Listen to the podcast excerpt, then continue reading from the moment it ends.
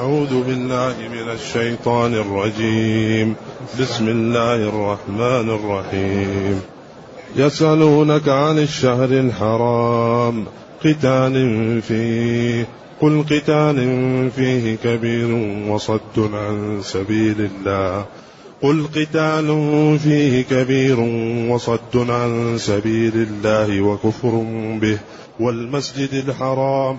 وإخراج أهله منه أكبر عند الله والفتنة أكبر من القتل ولا يزالون يقاتلونكم حتى يردوكم عن دينكم إن استطاعوا. ومن يرتد منكم عن دينه فيمت وهو كافر فأولئك فأولئك حبطت أعمالهم في الدنيا و... فاعل. حبطت أعمالهم. حبطت أعمالهم في الدنيا والآخرة. وأولئك أصحاب النار هم فيها خالدون. حسبك. بارك الله فيك. الحمد لله الذي أنزل إلينا أشمل الكتاب وأرسل إلينا أفضل الرسل وجعلنا خير أمة أخرجت للناس. فله الحمد وله الشكر على هذه النعم العظيمة والآلاء الجسيمة. والصلاة والسلام على خير خلق الله وعلى آله وأصحابه ومن اهتدى بهداه. أما بعد فإن الله جل وعلا يبين في هذه الآيات سؤال المسلمين أو الكافرين عن حكم القتال في, في الأشهر الحرم. معنى. لما ذكر أن الله تعالى أوجب على المسلمين القتال وفي جبلتهم كراهيته جاء الكلام عن القتال في الأشهر الحرم. وسبب القصة أن النبي صلى الله عليه وسلم أخذ كتابا وكتبه وأعطاه لعبد الله بن جحش رضي الله عنه ومعه سبعة من المهاجرين وقال له اذهب وبعد يومين افتح الكتاب. فذهب يومين وفتح الكتاب فوجد فيه أنه يذهب إلى نخلة بين مكة والطائف. وأن أصحابه من أراد أن يذهب معه فليذهب ومن أراد أن لا يذهب فلا يذهب. فذهبوا جميعا حتى كان في الطريق ضلهم بعير في مكان يقال له نجران قريب من مما يسمى الآن العقيق. فتخلف اثنان وذهبوا حتى وصلوا هناك. فوجدوا ابن الحضرمي ومعه ثلاثة من قريش فخافوا منهم فحلقوا رأس أحدهم ليأمنوهم ثم بعد ذلك رموهم بسهم وقتلوا ابن الحضرمي وأسروا اثنين وفلت عليهم الثالث وأتوا بالعير للنبي صلى الله عليه وسلم وبالغنيمة. فيقال إن هذا كان في أول يوم من رجب أو في آخر يوم من جماد الآخر. فشاع في قريش أن النبي صلى الله عليه وسلم استحل الشهر الحرام ووقع ما وقع فنزلت الآية تبين القضية. يسألونك. الواو للصحابة أو للكفار؟ عن الشهر الحرام. أي عن حكم الشهر الحرام. قتال فيه بدل اشتمال ولذلك بدل الاشتمال يتسامح فيه ما لا يتسامح في بدل الكل أو بدل البعض. لا بد فيه من التعريف والتذكير. أما هنا قتال هنا جاء منكر والشهر الحرام معرف لأنه اشتمال يسألك يا نبي صحابتك أو الذين حولك من الكافرين عن حكم القتال في الش... أو عن الشهر الحرام قتال فيه. قل لهم يا نبي قتال فيه كبير. قتال مبتدأ. وفيه سوغت الابتداء بالنكرة. وكبير خبر. والواو عاطفة. وصد معطوف عليها. عن سبيل الله الصد هو الرجوع. صد فلان فلانا إذا حال بينه وبين ما يريد. عن سبيل الله أي عن طريق الله. وكفر به. أيضا هذه معطوفة. والمسجد الحرام معطوفة على عن سبيل الله. صد عن سبيل الله وعن المسجد الحرام. وإخراج أهله منه معطوف على إيش؟ قل قتال فيه كبير وصد أكبر عند الله هي الخبر. الخبر هو الجزء المتم الفائدة. إذا ثلاثة جمل متعاطفة ثم جاء بعدها الخبر. قل قتال فيه كبير. وصد معطوف عليها. عن سبيل الله وكفر به وإخراج أهله منه. بعدين قال أكبر عند الله هي إيش؟ هي الخبر. إذا قل لهم يا نبي إن إخراج المؤمنين من الحرم والحيلولة بينهم وبين الإيمان وإرغام من دخل في الإيمان على الخروج منه هذا أشد من القتل. إذا قل لهم يا نبي صحيح. قل قتال فيه كبير. القتال في المسجد الحرام لا يجوز. ومن دخله كان آمنا. هذه بكة تبك أعناق الرجال. أبرهة لما جاء وجاء بالفيل محمود وأخذ إبل أبا طالب. جاء وقال له أنا أريد الإبل. قال له صغرت في عيني. أنا ذاهب لأهدم عزك وأنت تسألني إبلا. قال الإبل أنا ربها والبيت عنده رب سيحميه. قال يحميه مني؟ قال نعم. قال له لا يستطيع. قال له أنت وذاك. أنا قال له رب الإبل. والبيت له رب سيحميه. فقال له خذ الإبل. فلما أخذ الإبل ومشى وأراد أن يذهبوا بالفيل صار كل ما أرسلوه إلى جهة يذهب إليها. فإذا وجهوه إلى مكة يبرك وهم في محاولة أن يقوم الفيل جاء الطير. أبابيل جماعات. وكل طير له ثلاثة حصيات. حصية في منقار وحصية في رجل وحصية في رجل ونزلوا عليهم هذه فعياذا بالله إذا نزلت تنزل منه وإذا أصابت واحد يتقطع جلده. فلذلك أصبحوا وكان معهم واحد من حمير يسمى نفيل أخذوه بالقوة خريت لهم. فلما رأى الطير تنزل ذهب إلى الجبل وشرد. وصاروا يا نفيل يا نفيل فصار وكل القوم يسأل عن نفيل كأن للحبشان علي دينا. صاروا ينادوه ينادوه بعدين كما قال تعالى فأرسل عليهم طير نبابيل إيش؟ فجعلهم كعصف مأكول. إذا القتال في مكة كبير وخطير جدا. ولذلك كما سيأتي النبي صلى الله عليه وسلم قال في حجة الوداع أي يوم هذا؟ حتى ظنناه أنه سيسميه بغير اسمه. قال أليس يوم الحج الأكبر؟ قال أي بلد هذا؟ حتى ظننا أنه سيسميه بغير اسمه. قال أليس البلد الحرام أو ليس مكة؟ قال أي شهر هذا؟ حتى ظننا أنه سيسميه. حتى قال أليس الشهر الحرام؟ أليس ذي الحجة؟ ثم قال إن دماءكم. وأعراضكم وفي رواية أبشاركم حرام عليكم كحرمة يومكم هذا في شهركم هذا في بلدكم هذا.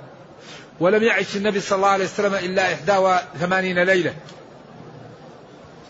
إذا ما قاله ابن جرير وقاله كثير من العلماء في أن حرمة الأشهر الحرم منسوخة الذي يعضده الدليل أنها ليست منسوخة وأن حرمتها باقية. فالنبي صلى الله عليه وسلم قال إن مكة أحلت لي ساعة من نهار ولم تحل لأحد بعدي ولن تحل لأحد قبلي ولم تحل لأحد قبلي ولن تحل لأحد بعدي. لا يقول أحدكم الرسول فعل ربي أحلها لي. إذا ولكن المسلمين إذا يعني عمل لهم غير المسلمين أو اعتدى عليهم ولو في مكة لهم أن يردوا إيش؟ الاعتداء نعم. إذا يسألونك يا نبي عن الشهر الحرام قتال فيه؟ قل قتال فيه كبير. ولكن الصد عن سبيل الله والكفر به ومنع الناس من الذهاب إلى المسجد الحرام وإخراج المؤمنين منه هذه المسائل أكبر عند الله من القتل.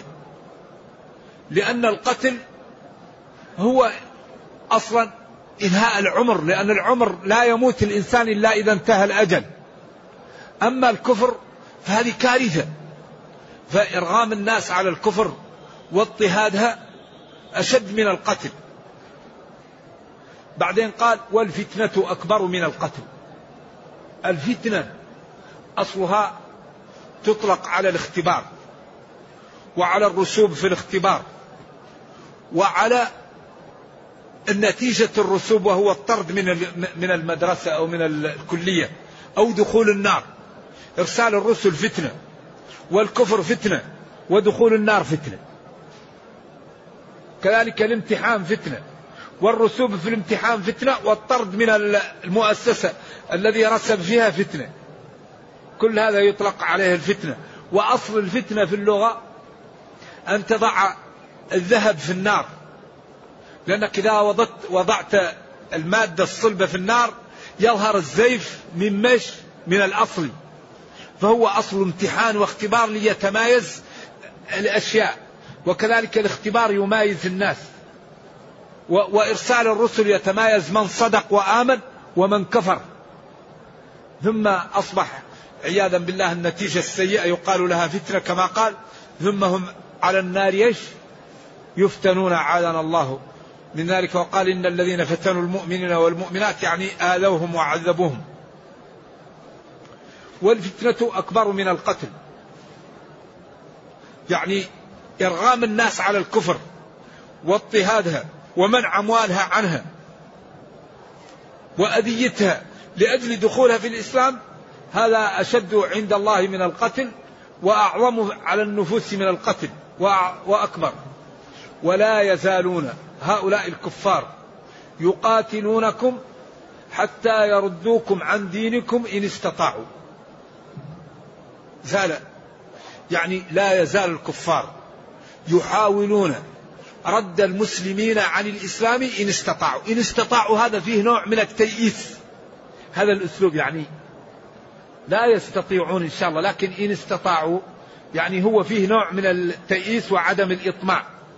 لكن الكفار لا يرضوا عنا إلا إذا تركنا الدين ولا يزالون الكفار يقاتلونكم. قريش أول جاءوا لبدر سلم العير حقهم. قالوا حتى نضرب القيان ونظهر. وجاءوا في أحد وجاءوا يوم الخندق. لكن بعدها قالوا نحن نأتيهم ولا يأتون وقال الله في حق أهل الكتاب ولن ترضى عنك اليهود ولا النصارى حتى تتبع ملتهم. إذا هؤلاء الكفار لن يرضوا عنا ولا يزالوا يزالون يوقعون بنا حتى يردونا عن ديننا. فإذا ردونا عن ديننا عند ذلك يرضوا عنا. أما ونحن نتمسك بديننا ونستقيم عليه فهذا أكبر ذنب بالنسبة لهم نرتكبه. ولذلك نحن أكبر طريقة نقاوم بها الأعداء الاستقامة على الدين. إذا أردنا أن نغلب أعداءنا نستقيم على الدين. لأننا إذا استقمنا على الدين تأتينا النصرة الغيبية. وإذا استقمنا على الدين أظهرنا للناس جمال الإسلام.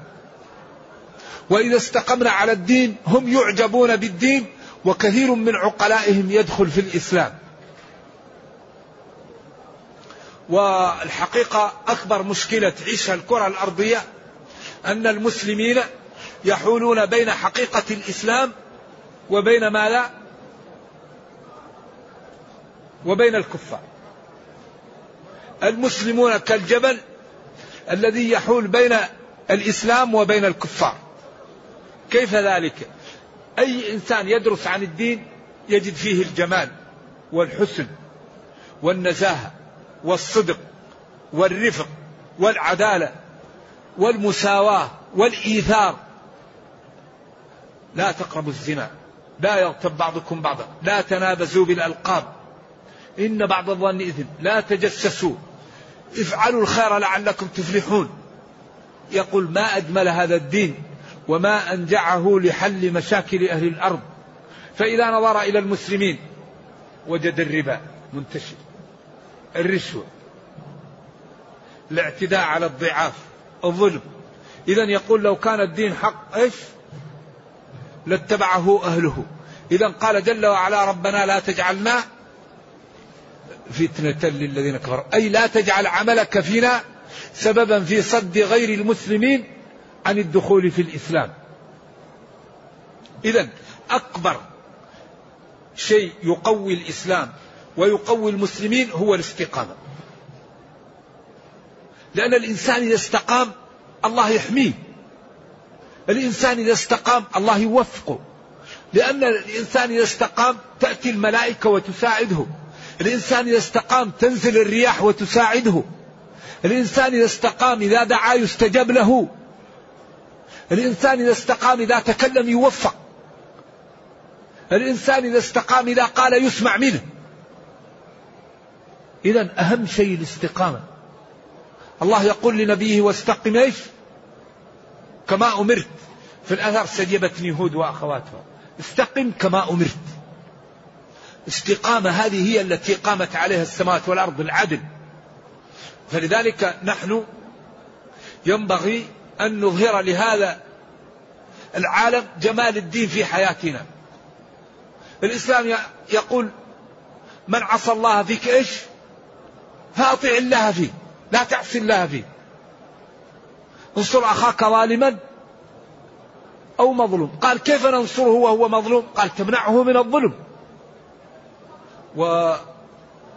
والحقيقة أن كل ما نحتاج إليه هو في هذا الكتاب. يعني أي قضية الآن نحتاج لها نفتح ونحصلها. لأن الله يقول ما لا يقول؟ ما فرطنا في الكتاب من شيء. ويقول ونزلنا عليك الكتاب تبيانا لكل شيء.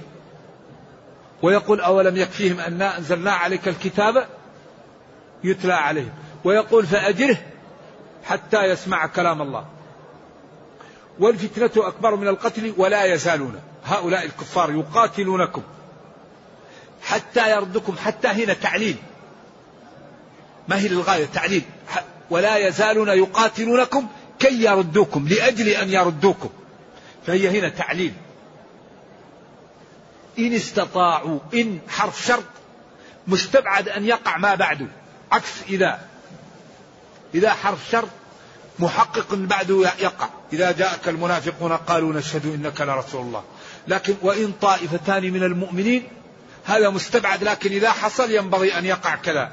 كذلك هنا ولا يزالون يقاتلونكم حتى يردوكم عن دينكم إن استطاعوا. إذا هذا إخبار من الله أن الكفار لا بد أن يحاولوا أذية المسلمين. وقال ولن ترضى عنك اليهود ولا النصارى حتى تتبع ملتهم.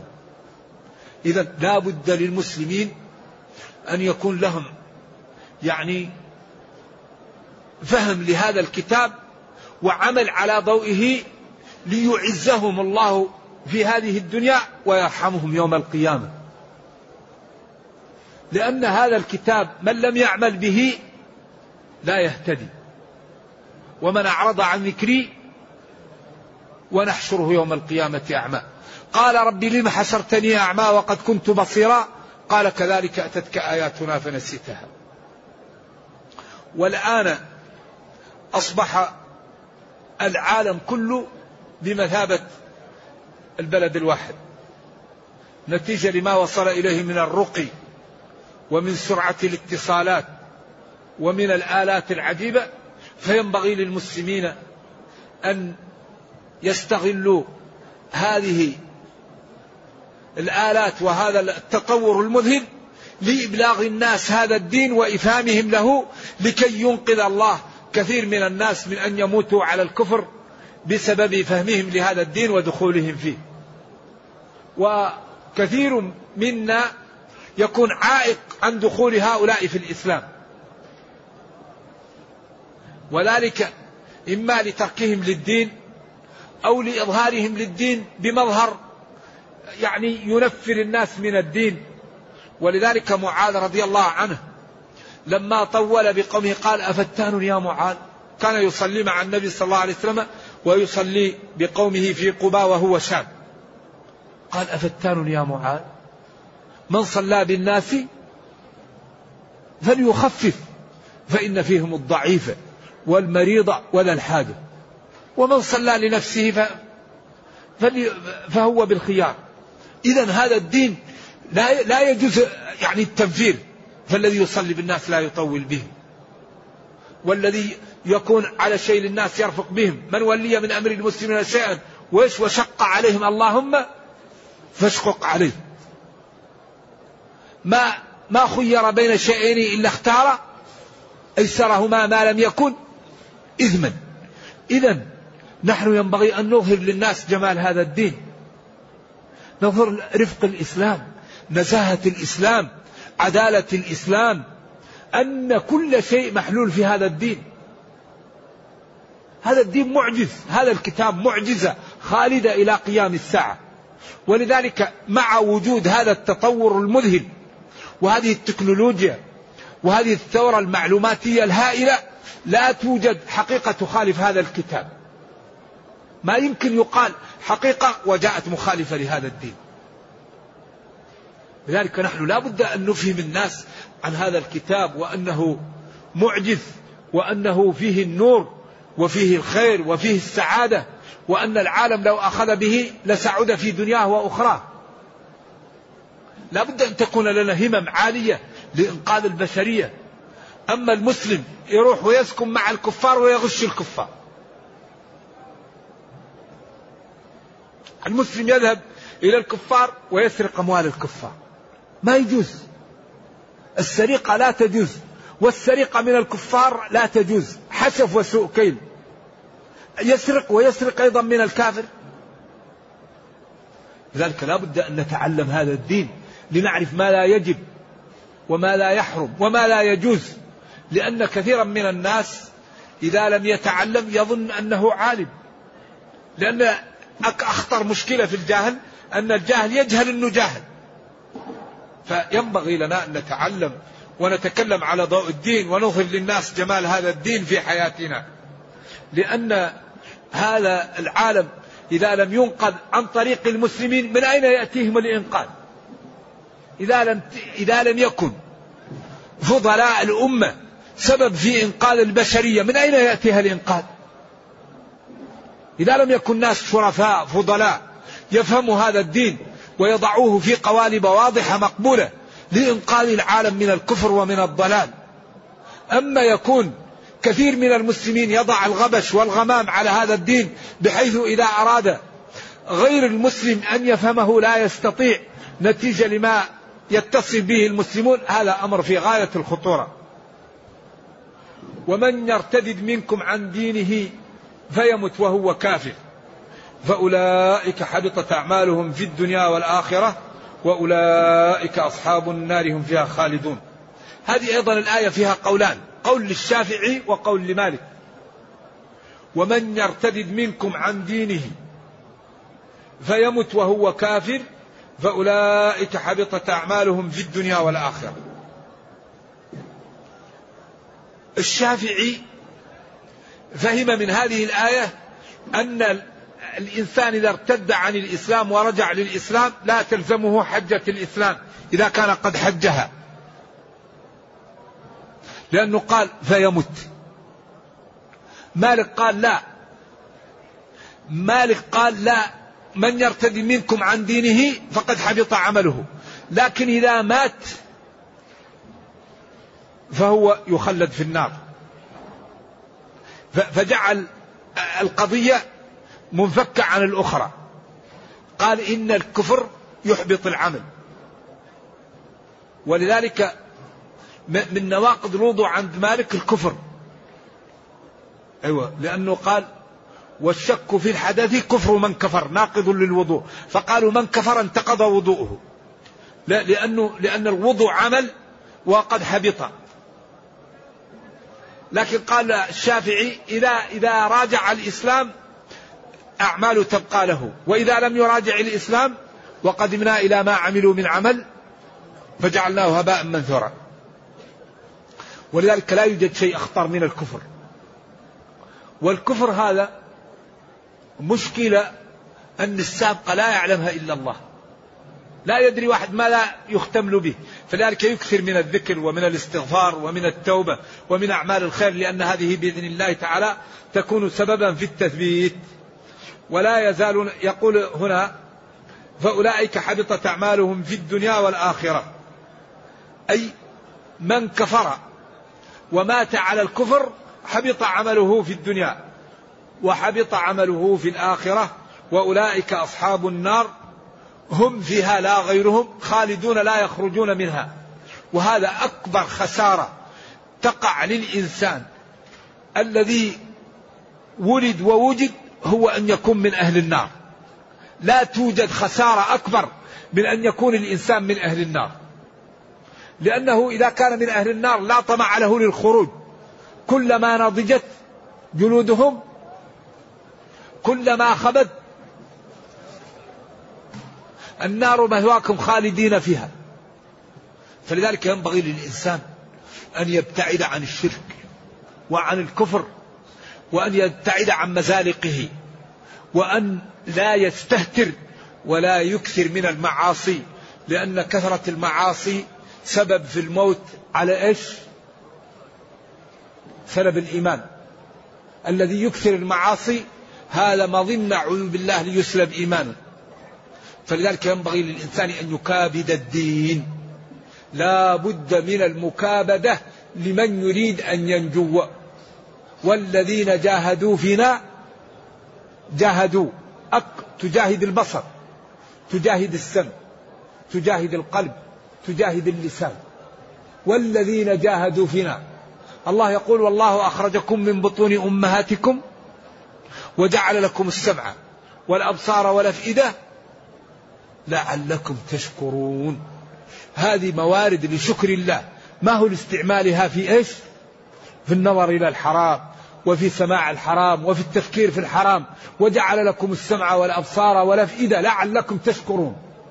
لتشكروا ربكم. وثقوا تماما أن العبد إذا استقام على هذا الدين وكابد نفسه فإن الله تعالى يرزقه السعادة في الدنيا ويرحمه في الأخرى. ولكن لا يمكن أن ينال هذا إلا بالمكابدة. والذين جاهدوا فينا لنهدينهم سبلنا. لنهدينهم الذين جاهدوا فينا. فالإنسان إذا كان لا يكابد الطاعات ولا يعمل للطاعات كما يعمل لماله وولده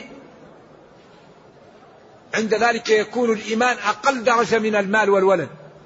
فإذا كان المال في النفس والولد أعلى درجة من من الدين فذلك يكون سببا في ضعف الإيمان عند الإنسان ويكون الإيمان في قلبه لا يعطيه من السعادة ومن القوة ما به يتجرع حتى يرتفع ويرفع دينه وأمته.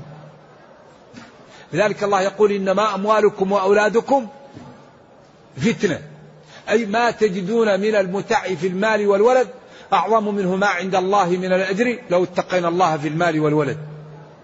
والحقيقة أن هذا الشهر ينبغي أيضا لنا فيه أن نفتح أبوابا جديدة. فمن عنده عادة سيئة يتركها ومن عنده أخ متقاطع معه يصطلح معه ومن عنده تقصير يحاول يفتح باب جديد في هذا الشهر الكريم. وثقوا تماما أن الله كريم ومن يريد الدنيا يعطيه ومن يريد الآخرة يعطيه. كما قال جل وعلا من كان يريد ثواب الدنيا فعند الله ثواب الدنيا والآخرة. وقال يا أيها الناس أنتم الفقراء إلى الله والله هو الغني الحميد. وقال فمن زحزح عن النار وأدخل الجنة فقد فاز. وما الحياة الدنيا إلا متاع الغرور. فحري بنا أن نفهم هذا الدين وأن نعمل به وأن ندعو غيرنا بأخلاقنا وسلوكنا وبإكرامنا للناس. إذا التحقيق أن حرمة الأشهر الحرم باقية وإن قال جلة من العلماء بخلاف ذلك لأن النسخ هو رفع الحكم الثابت بخطاب متقدم ولا يمكن أن يثبت النسخ إلا بدليل واضح. ولذلك النبي صلى الله عليه وسلم قال إن الزمان قد استدار كهيئته يوم خلق الله السماوات والأرض. السنة اثنا عشرة عشر شهرا منها أربعة حرم ذلك الدين القيم. منها أربعة حرم. أما الأشهر الأربعة التي ذكرها الله في سورة التوبة فالتحقيق أنها أشهر الإمهال وليست الأشهر الحرم وإن كان بعضها من الأشهر الحرم الذي هو ذي الحج ومحرم لأنه قال براءة من الله ورسوله إلى الذين عاهدتم من المشركين فسيحوا في الأرض أربعة أشهر. هذه أربعة أشهر أعطيت لمن لا عهد له أو لمن له عهد ونقضه أو لمن له عهد أقل من أربعة أشهر. أما الذي له عهد أكثر من أربعة أشهر ولم ينقضه قال فأتموا إليهم عهدهم إلى مدتهم. فإذا انسلخ الأشهر الحرم ما هي الحرم؟ لأربعة الإمهال على التحقيق. عند ذلك فأنتم يا أهل مكة مخيرون بين واحد من ثلاثة أمور. يا تخندقون وتجمعوا ما تستطيعون واعلموا أنكم غير معجز الله. يا تدخلوا في الإسلام يا تأخذوا أموالكم وذراركم وتذهبوا عن بيت الله. ولكم الخيار في إحدى الثلاثة ولكم أربعة أشهر تدرسون أمركم وتنظرون واعلموا أن الله مخزي الكافرين. إذا هذا الدين لا يقاوم. الإسلام ما يقاوم أبدا. كل ما نحتاج إليه موجود فيه. وفيه صلاح الدنيا وصلاح الأخرى وفيه الرفعة والعزة والسعادة. لكن لا بد أن نعطيه الوقت ونفهمه. إذا هذه هي آية قضية الأشهر الحرم. إذا يقول تعالى يسألونك يا نبي كفار أو المؤمنون عن الشهر الحرام قتال فيه. قلنا قتال فيه بدل اشتمال من الشهر الحرام. قل لهم يا نبي القتال في الشهر الحرام كبير ولكن الصد عن سبيل الله والكفر به وإخراج المسلمين من المسجد الحرام وإرغامهم على الكفر هذه أكبر من القتل. ثم بين أن الكفار لا يزالون يقاتلون المسلمين حتى يردوهم عن دينهم إن استطاعوا. وقوله إن استطاعوا هو مطمع بأنهم لن يستطيعوا إن شاء الله. ثم قال ومن يرتد من الناس عن دينه فيمت وهو كافر فأولئك حبطت أعمالهم في الدنيا والآخرة. وأولئك أصحاب النار هم فيها خالدون. أعاذنا الله وإياكم من الارتداد ومن النار ومن الخلود فيها وجعلنا وإياكم من المتقين. إنه خير مسؤول والقادر على ذلك. وصلى الله وسلم وبارك على نبينا محمد وعلى آله وصحبه. والسلام عليكم ورحمة الله وبركاته.